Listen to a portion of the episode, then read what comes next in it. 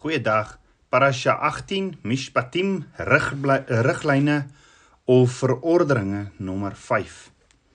Aba Vader roep ons na 'n Shema, Heer, listen nou by leefstyl toe om sodoende na ons lewens te kyk, om te kyk na elke asemteug wat ons maak.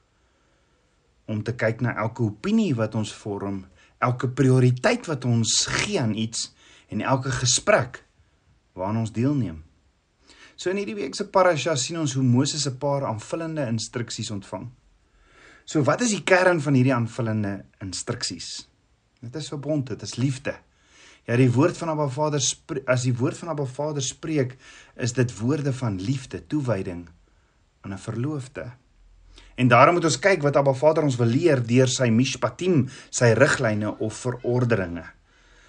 Hulle bevat die sleutels tot die begrip waarvoor Abba Vader ons geskape het en die doel daarvan. So wat wil Abba Vader ons leer deur sy verordeninge, sy instruksies, sy riglyne of mishpatim? Soms lees ons net hierdie verdere instruksies, maar as ons dieper delf en hierdie instruksies van nader bestudeer, dan sien ons daar is baie meer as net wat die natuurlike oog kan sien. Om te verduidelik, Kom ons kyk na 'n paar instruksies in die week se gedeelte of parasha om sodoende te sien dat Abba Vader is 'n Vader van verhouding en om ook sy hart in hierdie instruksies raak te sien. In Eksodus 21 vers 15 staan en hy wat sy vader of moeder slaan, moet sekerlik gedood word. Hoor gehou.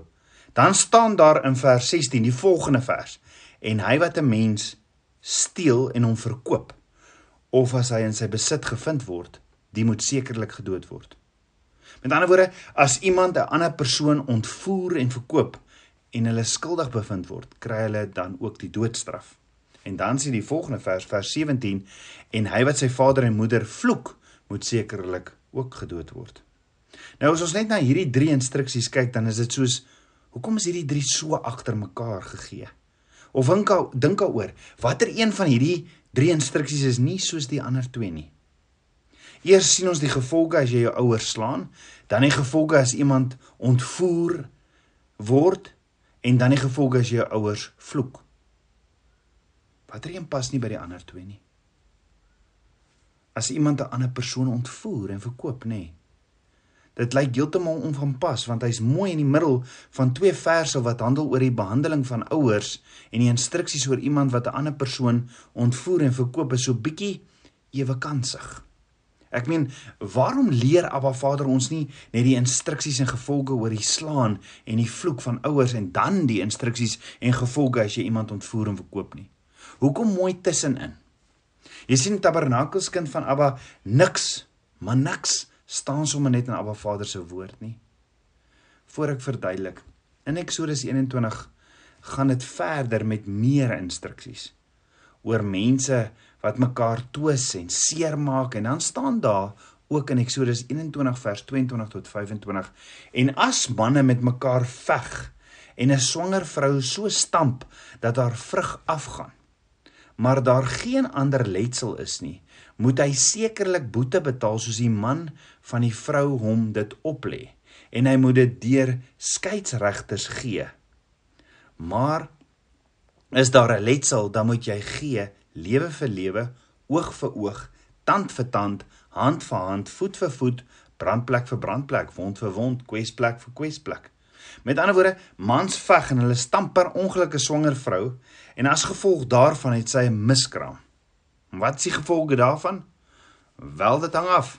As die aanranding 'n miskraam veroorsaak of die stamp 'n misraak veroorsaak, maar die vrou sterf nie, word die man in die hof met 'n boete bestraf. Maar as die vrou ook sterf, is daar 'n lewe verruilbaar vir 'n lewe. Nou daar's 'n paar vreemde dinge hier aan die gang wat ons nie altyd so lekker verstaan nie. En om te verstaan, kom ons begin by die gedeelte lewe vir lewe, oog vir oog, tand vir tand, hand vir hand, voet vir voet, brandplek vir brandplek, wond vir wond, kwesplek vir kwesplek. Dink daaroor lewe vir lewe, oog vir 'n oog, tand vir 'n tand. Dit het iets wat van 'n bekende gesigte geword, is dit nie? Maar wat beteken dit? Want as jy al hierdie instruksies lees in Eksodus 20, dan lees jy as jy dit doen, dan word jy doodgemaak. Maar as jy dit as as dit nie Maar is dit nie maar dieselfde as 'n lewe vir 'n lewe nie? Hoekom word daar duidelik gesê jy gaan doodgaan as dit gebeur, maar by 'n swanger vrou wat sterf word daar gesê 'n lewe vir 'n lewe? Is dit moontlik dat Abba Vader ons iets anders wil leer in sy woord? En as dit so is en die woord wil ons iets leer, wat sal dit wees? Dan ook Hoor hoe vreemd of kyk hoe beskryf die woord die dood van 'n moeder in Eksodus 21 vers 23, maar daar is 'n letsel, maar da, maar is daar 'n letsel, dan moet jy gee lewe vir lewe. Die King James sê dit so bietjie anders. Hy sê and if any mischief follow, then thou shall give life to life. Met ander woorde as daar 'n ongeluk was of as daar 'n tragedie plaasgevind het, die woord kon gesê dat die swanger vrou as gevolg van die miskraam kon gesterf het, maar sê eerder if any mischief follow. En die woord die Hebreëse woord vir mischief follow is ason wat beteken onheil, skade, ongeluk, tragedie of seer. Ek herhaal dis 'n onheil, dis 'n skade, dis 'n ongeluk, 'n tragedie of seer, die woordjie ason. Maar die punt is die woord kon gesê dat die swanger vrou as gevolg van die miskraam gesterf het, maar kies eerder die woord ongeluk, tragedie of in Hebreëus gebruik die die woordjie ason wat 'n baie ongewone woord in die Torah is. Hoor gou, die woord ason is eintlik so skaars dat dit net op een ander plek in die hele Torah voorkom. En Abba Vader se woord is amazing, want kan jy raai waar anders in die Torah word hierdie spesifieke woord as son ook gebruik?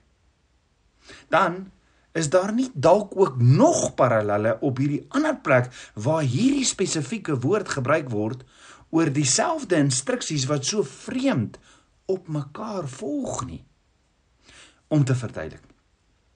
Die enigste ander vermelding in die woord van hierdie spesifieke woord ason is in die verhaal van Josef en sy broers in die epiese toespraak wat Juda gelewer het net voordat Josef sy ware identiteit aan sy broers geopenbaar het dat hy een van die broers was. Onthou as 'n genadeloose Egiptiese amptenaar het Josef gedreig om Benjamin as sy gevangene te hou omdat Benjamin sy beker gesteel het. Juda was toe baie verskriklik ehm um, bang en uh, hy was verskriklik oor oor oor hierdie gevangenes van Benjamin wat hy wat hy van sy pa Jakob ehm um, hy was verskrik daaroor. Juda was verskrik oor wat hierdie gevangenes van Benjamin aan hulle pa Jakob gaan doen. Juda pleit by Josef om dit asseblief asseblief te heroorweeg want Juda sê toe vir Josef presies wat hulle pa oor Benjamin gesê het. Hy sê vir Josef in Genesis 44 vers 29 wat sy pa Jakob vir hulle gesê het: "As julle nou hierdie een ook van my af wegneem en hom 'n ongeluk die Hebreëse woord ason oorkom, dan sal julle my grys hare met droefenis in die doderyk laat afdwaal." Met ander woorde, Juda het die vrees van sy pa Jakob herhaal om Benjamin na Egipte toe te stuur. En Jakob het toe vir hulle gesê: "As Benjamin ook weens 'n ongeluk as son omkom, sal hy in die ellende na sy graf afdaal." So in beide gevalle ek meen as 'n swanger vrou sterf weens 'n ongeluk of 'n tragedie as son en Benjamin sterf weens 'n ongeluk of 'n tragedie as son. Dit is 'n baie groot ding. Dit sal in albei gevalle 'n tragediese ding wees, maar die woord as son word net twee keer in die Torah gebruik en dis by hierdie twee plekke. En dan hoor gaga. As jy die twee gedeeltes en dit wat wat op mekaar volg langs mekaar sit, dan leer Abba Vader ons iets. Die eerste keer wat die woord as son gebruik word in Genesis 44, gee Juda 'n verduideliking aan Josef oor Benjamin, die jongste seun van Jakob. In Eksodus 21 waar die woord as son gebruik word, gaan dit oor die instruksie, die mispatim oor 'n swanger vrou. Maar buite die woord as son is daar eintlik baie meer verbande tussen die twee gedeeltes. Kom ek verduidelik.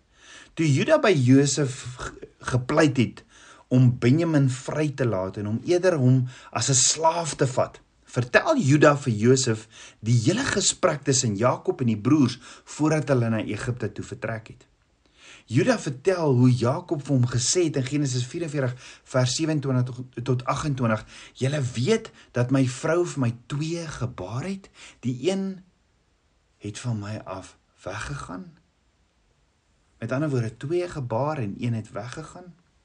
Die oorspronklike woorde wat Jakob hier sê in Hebreëus is yatsa met 'n me iti wat 'n bietjie ook vreemde woorde is. Want dit beteken letterlik Jakob het gesê dat een kind uit hom uitgekom het. Dis wat dit wat dit in Hebreëus beteken dat wat Jakob gesê het is dat een kind uit hom uitgekom het.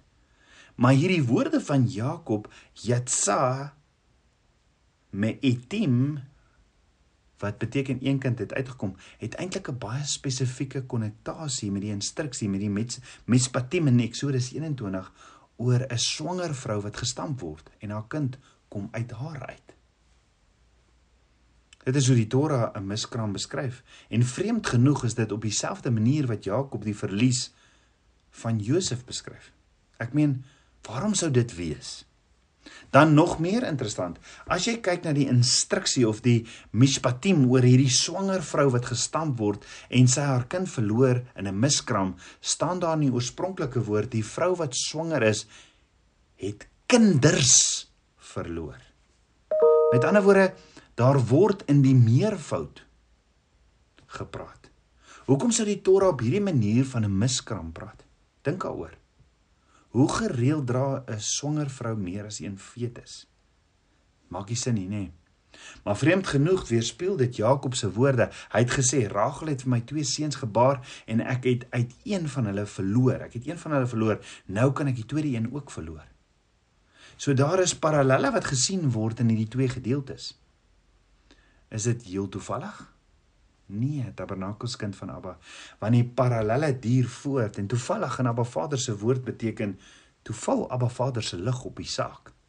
So hoor gou die volgende ding wat Jakob toe gesê het is wat as Benjamin aan 'n ongeluk ly?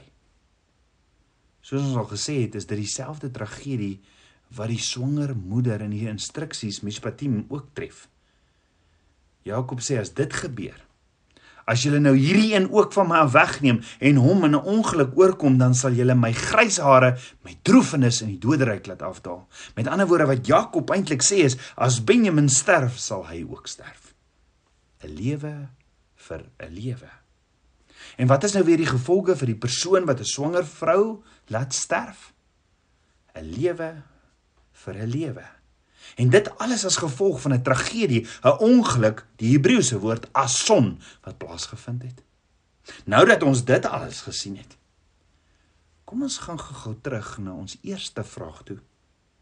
Of die eerste vers van hierdie 3 verse waaroor ons vroeër gewonder het. Die middelste een van die 3 was mos oor iemand wat 'n persoon ontvoer en die persoon verkoop het. Wel, waaraan herinner dit ons? Dit klink verseker na iets wat met Josef gebeur het, is dit nie? Die broers het hom ons van sy vader geneem, hom in 'n kuil gegooi en hom as 'n slaaf verkoop. Om een of ander onverklaarbare rede weer klink dit al drie die instruksies van Mishpatim in Eksodus 21 met die stryd tussen Josef en sy broers. Vanaf die ontvoering, die verkoop van Josef tot by die toespraak van Juda wat eintlik die broers en Josef weer bymekaar gebring het. So hoekom is daar hierdie parallelle tussen hierdie instruksies van Abba Vader en Josef se lewe? Of wat kan hierdie instruksies oor beserings en skade enigsins met Josef se broers te doen hê? Ek dink dat hierdie parallelle eintlik iets aanraak aan die kern, die hele Josef verhaal. Jy sien as jy die meeste mense sou vra, waarom het die broers Josef so gehaat? Dan sal hulle vir jou sê, dis maklik, omdat Josef die gunsteling seun van Jakob was. En hy uh hy het mos hierdie spesiale gekleurde jas gekry. Ook omdat Josef so bietjie van 'n klikkie bek was. En en hy het hierdie drome gehad van wat hy oor sy eie boetie sou heers. Maar dit is eintlik nie so eenvoudig nie. Ons moet gaan kyk wat is die wortel van hierdie boeties wat Josef so haat. Jy sien die wortel van die broers se haat en wat veroorsaak het dat hulle Josef so as 'n slaaf ontvoer en verkoop het, het eintlik begin voor enige iets hiervan. Die wortel was voor Josef se drome. Voordat Jakob hom daardie spesiale uh, gekleurde jas gegee het. Selfs voordat een van hierdie boeties van Josef gebore was. Dit het alles, dit gaan so ver terug en dit het, het alles begin met Jakob se liefde vir Rachel. Rachel was die geliefde vrou van Jakob en Josef was haar eersgeborene seun en daarom het Jakob hom liefgehad en dit is die rede waarom die broers hom gehaat het. Dit het nie oor Josef so erg erg so erg gegaan nie. Dit was oor die manier waarop Jakob sy een vrou bo die ander bevoordeel het. En hoe Jakob op sy beurt die seun die die een stel kinders bo die ander verkies het. En Josef het die grootste deel daarvan gekry. Kom ons kyk gou weer na die instruksie of mishpatim in Eksodus 21. Ons vind dat die instruksie oor die ontvoering en verkoop van van iemand herinner ons mos aan die verkoop van Josef. Maar hoor gou. Dit het ook iets te doen met die instruksie oor die slaan en die vloek van ouers. Miskien is die volgorde hoe Abba Vader vir ons sy instruksies gee en Eksodus tog nooit ewe kansig nie. Miskien het Abba Vader hulle juis so saamgegroep gegroepeer om ons die konteks, die agterverhaal van die hele stryd tussen Josef en sy broer uit te wys. Die broers het Josef ontvoer en verkoop, maar hulle kon net sowel hulle pa Jakob geslaan of gevloek het. Want waarop dit neerkom, hul pa Jakob was die regte bron of wortel van al hierdie woede en jaloesie binne in hulle. Maar Josef se broers het dit nie raak gesien of erken in Jakob hulle pa nie. Al wat hulle gesien het was hoe Josef voorgetrek was en hoe hy rondloop met sy jas en al sy toekomstige drome. Wel, Josef se broers ruk toe sy jas van hom af, maar hulle woede is verkeerd gelei. Die oorsaak van alles kom van hulle pa Jakob af. Dit is nie te sê dat die broers eerder hulle pa Jakob moes aangeval het en geslaan het nie. Dit is nie asof hulle alles ou uh, dit is nie asof alles ou okay sou gewees het as hulle hulle pa net geslaan en gevloek het in plaas van arme Josef nie, maar ek dink dit wys ons wat die werklike probleem was. Die werklike probleem was 'n ongelyke liefde tussen Jakob, die pa wat na die volgende geslag deurgedring het maar niemand het die kwessie aangespreek nie en almal het daaroor daaronder gelei. Dink net hoe dinge anders sou gewees het as Jakob sy kinders en sy vrouens uh net bymekaar geroep het en daar 'n goeie familieterapie plaasgevind. As hulle almal saam in 'n kamer kon sit en dit net kon uitgepraat het, as hulle net al die probleme op die tafel kon gesit het, as hulle net al die probleme in die lig kon gebring het. As die broers eerlik kon wees met Josef voor hulle pa en vir Josef gevra het: "Josef, boetjie, sê vir ons, besef jy hoe dit is om jou in hierdie jas te sien rondloop?" Ook as hulle na hulle pa toe gedraai het en hom gekonfronteer het en vir hom gevra het: "Pa, maar maar maar pa, waarom het jy Rachel, Josef se mamma, altyd meer liefgehad as ons mamma Leah?" Papa, besef jy of weet jy hoe dit is en hoe ons voel daaroor? En as hierdie seer en bitterheid in die lig gebring sou kon word, sou Josef se broers moontlik tot die besef gekom het dat hulle woede nie eintlik teenoor hulle klein boetie Josef gegaan het nie. En dat die hele ontvoering en verkoping van Josef sou moontlik nooit plaasgevind het nie. Maar dit het nie gebeur nie.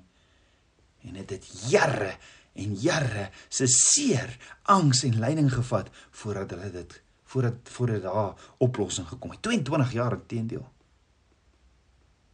Ek dink dat ons nou ook die parallelle kan verstaan wat ons later in dieselfde instruksies sien in Eksodus 21. Ons kan sien tussen hierdie hierdie toespraak van Juda en die vrou wat 'n miskraam kry. Want wat eintlik gebeur is is dat sommige ouens veg Maar wie kry eintlik seer? Die ma wat kinders baar. Nou daar was eens mans wat beklei het, 10 mans het 'n aanval teen hulle broer geloods. Maar onder dit alles val hulle hulle sy moeder eintlik aan. En hulle vaar uit op Rachel en dit is asof Jakob dit beleef het want wat Jakob betref was die verlies van Josef 'n miskraam. Onthou, hy het nie net sy seun verloor nie, hy het Rachel, sy vrou en sy seun Josef verloor. En wat Jakob vir 22 jaar bitter seer gemaak het, was die verlies van sy vrou en sy kind, sy oudste seun by die vrou by wie hy wat hy liefgehad het. En daarom as Jakob terugdink aan die verskille of hierdie verskriklike verlies, dan as hy terugdink daaroor, dan dan praat hy daarvan as 'n miskraam. En toe hy sien maar hy kan Benjamin Rachel se tweede seun ook verloor, noem hy dit 'n ason, 'n groot tragedie want al was Rachel al jare dood solank as wat Benjamin nog gelewe het het Jakob nog steeds iets van Rachel oorgehad in sy lewe. Maar om Benjamin te verloor sou beteken dat hy sy laaste skakel met Rachel sou verloor het. Dit is die tragedie wat Jakob gevrees het. En dit sou so verwoestend vir hom gewees het dat as dit sou gebeur Jakob nie meer sou kon lewe nie. Jakob se ge, se gehegtheid aan Benjamin sou tot gevolg hê 'n lewe vir 'n lewe. So wat het dit alles met my en jou vandag te doen? Wat beteken Abba Vader se instruksies, sy mishpatim vandag prakties vir my en jou? Iets wat Abba Vader ons leer is dat die verhale in die Torah instruksies geword het. Met ander woorde, dikwels verskyn die pynlikste en moeilikste ervarings van die verlede later in instruksies wat Abba Vader gee het. Asof daar binne hierdie instruksies van Abba Vader se woord sprake is vir kommentaar op hierdie vroeë verhale wat ons daarop wys waar dinge verkeerd geloop het en ook hoe ons foute van die verlede moet hanteer. As ons sien dat Abba Vader se instruksies en die verhale in die woord op hierdie manier interaksie het met mekaar, word dit skielik baie werklik vir ons en dan besef ons maar ons dien 'n good good Vader. Hy's alomteenwoordig en hy sien alles.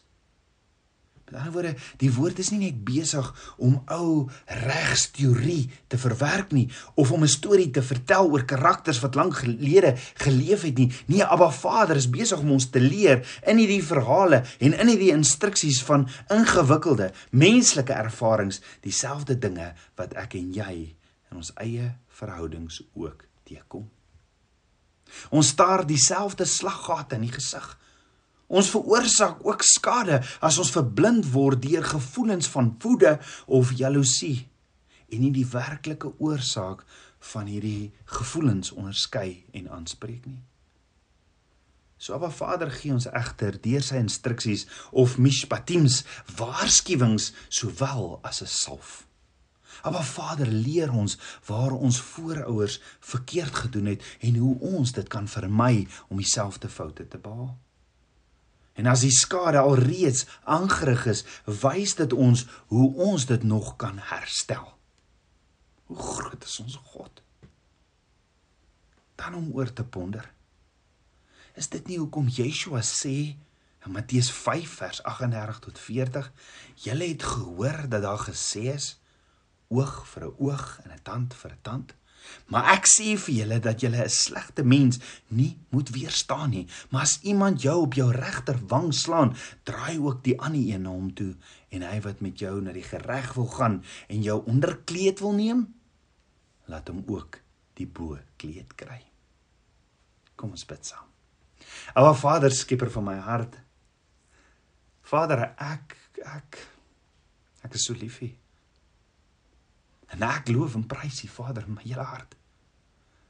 Vader, daar's hierdie ding wat die vyand kom doen um, om om te sê my instruksies is nie meer geldig nie. En eintlik mis ons totaal al die wat dit sê, mis totaal al u hart. Vader, U kom leer ons reg deur die woord dat U ons wil beskerm en dat U ons baie wil gelyk maak en dat ons U kan ken in alles. Ag oh, Vader, kom was my van jaloesie, woede en vernyn. Abba, ek wil ek wil U eer, ek wil U dien. Ek wil met my hart uit sê, you are a good good Father. Ek wil my met my mond net U eer en U glorie bring. Ek wil U ek wil U aanbid in waarheid en in gees. En Vader, ek smeek U vir meer en meer van U geheimenisse, U verborge manna. Ek bid dit alles in Yeshua, Hamasieg se naam, die seun van Jahweh. Amen. Shalom.